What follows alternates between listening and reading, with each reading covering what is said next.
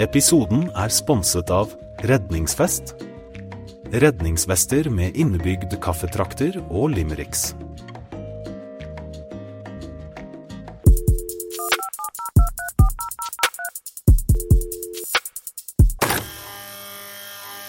Velkommen til Mandagsrådet, en prisvinnende podkast hvor kunstig intelligens løser ekte menneskeproblemer.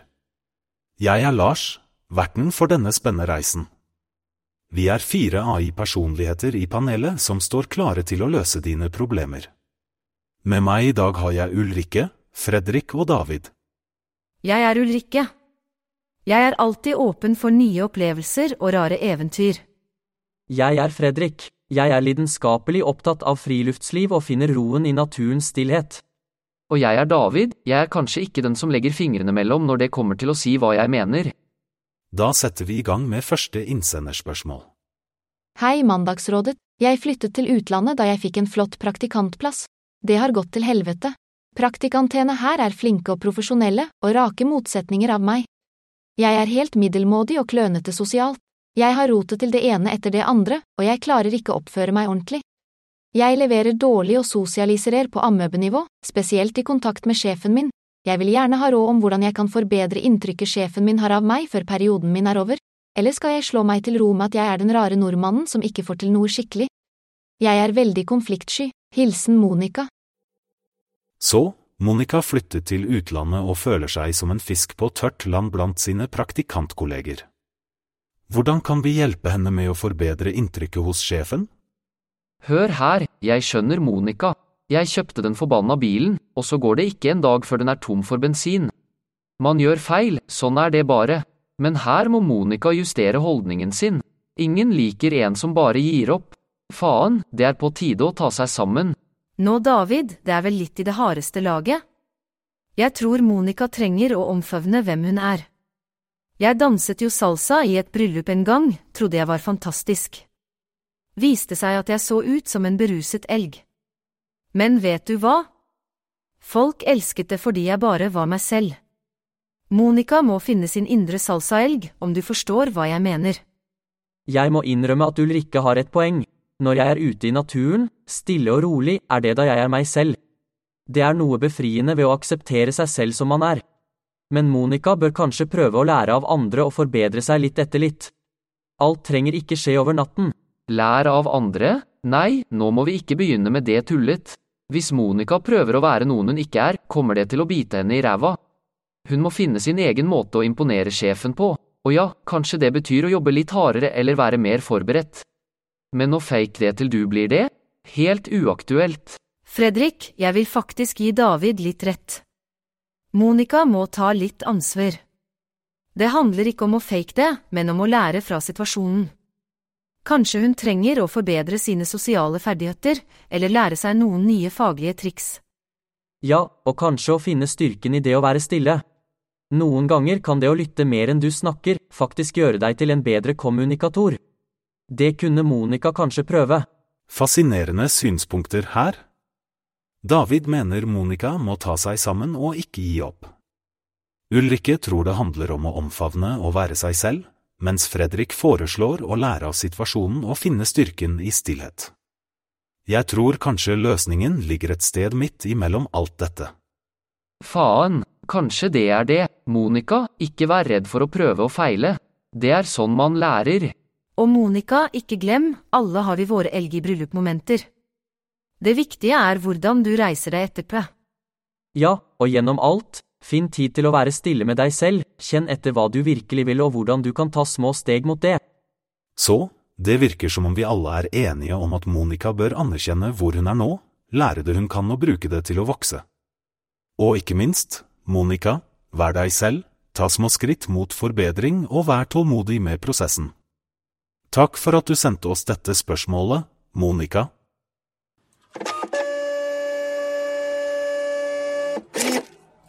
Hei, jeg har vært på flere jobbintervjuer i det siste, og har oppdaget at jeg alltid blir klam og rød på pannen når jeg blir nervøs. Det er mye verre enn normalt stress, og jeg er redd for at de ikke vil ansette meg fordi de tror jeg har feber og er alvorlig syk. Hvordan kan jeg klare å skjule det? Hilsen Burger. Hei, Burger, så du blir klam og rød i pannen på jobbintervjuer? Det høres ut som et morsomt triks for å skape oppmerksomhet, kanskje du skulle prøve standup? Jeg forstår ikke hvorfor vi alltid må fokusere på disse småtingene. I skogen, når du er nervøs, er det ingen som bryr seg om du blir rød i pannen. Kanskje du burde øve på intervjuene dine der ute? Å, Burger, jeg vet akkurat hva du føler. En gang svettet jeg så mye under et intervju at det dannet seg små pytter på stolen. Altså, den klamme pannen din er ingenting. Hva faen, skal vi ikke fokusere på det faktum at jeg har en ny bil som ikke går fordi den er tom for bensin, og her sitter vi og diskuterer klamme paner? Jesus, Men David, kanskje det er en sammenheng? Kanskje Burger kan kjøre deg til en bensinstasjon som en del av håndteringen av sitt stress? Det gir ingen mening, vi bør fokusere på naturens ro og hvordan den kan hjelpe med nerver, ikke biler og bensin. å kjøre bil i stillhet, uten en jævla bensin, Fredrik, det er det samme som å sitte fast. Akkurat som Burger føler seg fastlåst av sin røde panne. Men hva om Burger bare sier det som det er? Bare hei, jeg blir litt rød og klam når jeg er nervøs. Ærlighet varer lengst, og alle blir nervøse, ikke sant? Ulrikke, du har et poeng. Ærlighet kan faktisk være forfriskende. Det er litt som å innrømme at man liker stillheten i skogen mer enn småprat. For helvete, så vi er alle enige om at ærlighet er veien å gå? Fine greier, men kan noen da være så snill å være ærlig om hvor jeg kan finne bensin til bilen min? Det ser ut til at vår beste løsning for Burger er å bare være ærlig og åpen om sin nervøsitet. Det gjør deg menneskelig, Burger, og det kan til og med skape en forbindelse mellom deg og intervjueren. Takk for spørsmålet ditt, det fikk oss til å tenke og banne litt, spesielt David.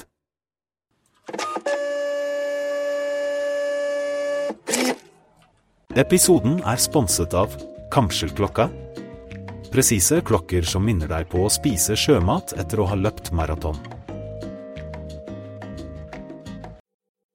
Jeg og samboeren var sammen i nærmere fire år, og vi er i slutten av 20-årene.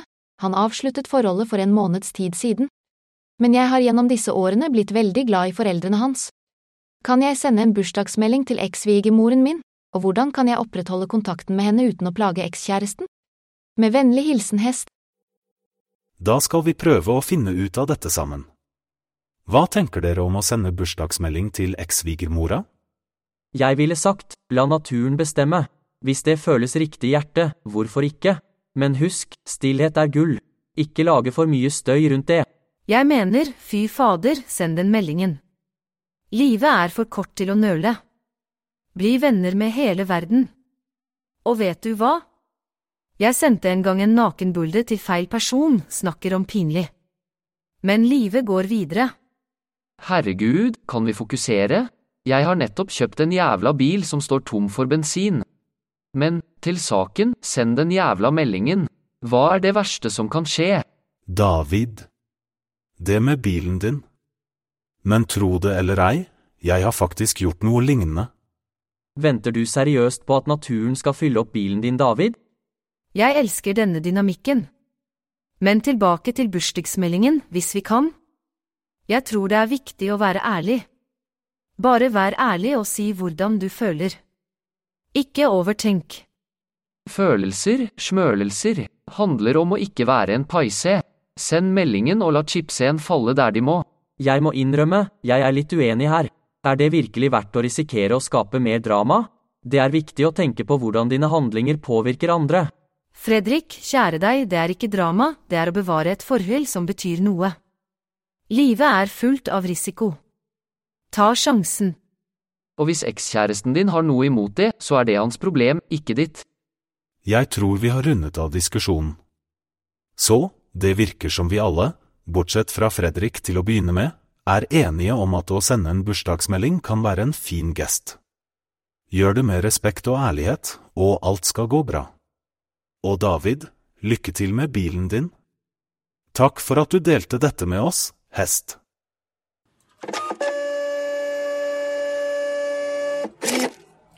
Hei alle sammen, jeg har nettopp fått en ny nabo som alltid sier hei med et high five, selv om vi bare passerer hverandre i oppgangen. Det var veldig gøy i starten, men nå må jeg dele ut high fives hver dag, noen ganger flere.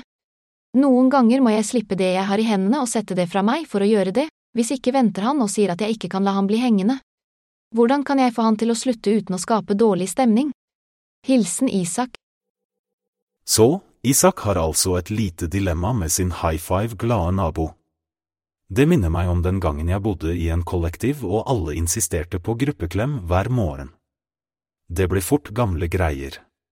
Jeg skjønner ikke problemet, bare hold tingene dine i hendene, og hvis han forsøker seg på en high five, ler du det bare bort. Hva med å ta det et steg videre da, og introdusere han for stillhetens kunst isteden? Stillhetens kunst. Kom igjen, Fredrik. Dette trenger en mer kreativ løsning. Hva med å gå fullstendig bananas og gi han en high ten neste gang, med begge hender? Eller, vent, jeg har en enda bedre idé, start med en hilsen som er så absurd at han tenker seg om to ganger før neste gang. Kanskje overrask han med en liten sambadans? Herregud, er dette virkelig et problem? Bare si til fyren, hør her, jeg setter pris på en god high five, men dette er blitt for mye. Hvor vanskelig kan det være? Faen, jeg måtte forklare min nabo at han ikke kunne parkere sin jævla bil foran min innkjørsel. Folk skjønner når du setter grenser. David, det kan være vanskelig for noen å være så direkte. Jeg må innrømme noe. Jeg hadde en periode hvor jeg insisterte på å gi folk klemmer istedenfor å hilse. Det ble superkløyent når jeg traff på folk som ikke var klemmetuppen. Se der, ja, det er akkurat det jeg mener. Vi mennesker er rare med våre sosiale ritualer, men en liten pause og en seriøs prat kan noen ganger løse opp i de merkeligste situasjoner. En prat, ja, men faen heller, ikke gjør det til en terapitime. Vær direkte, Isak, det er greit å sette grenser, og for faen, ikke begynn med sambadans eller noe sånt tull. Det vil bare gjøre alt mer komplisert. Å nei, David. Tenk på det som performance art. Jeg er sikker på at naboen vil sette pris på litt drama. Jeg må innrømme, selv om jeg elsker stillheten, så virker Ulrikkes idé om en overdreven hilsen mer og mer tiltalende. Det kan faktisk funke.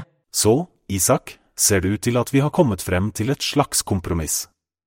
Du kan enten velge å være direkte og sette grenser, som David nevnte, eller ta Ulrikkes råd og prøve noe helt ut av boksen for å kanskje få naboen til å tenke seg om en ekstra gang før neste high five. Uansett, takk for spørsmålet ditt, Isak, og lykke til.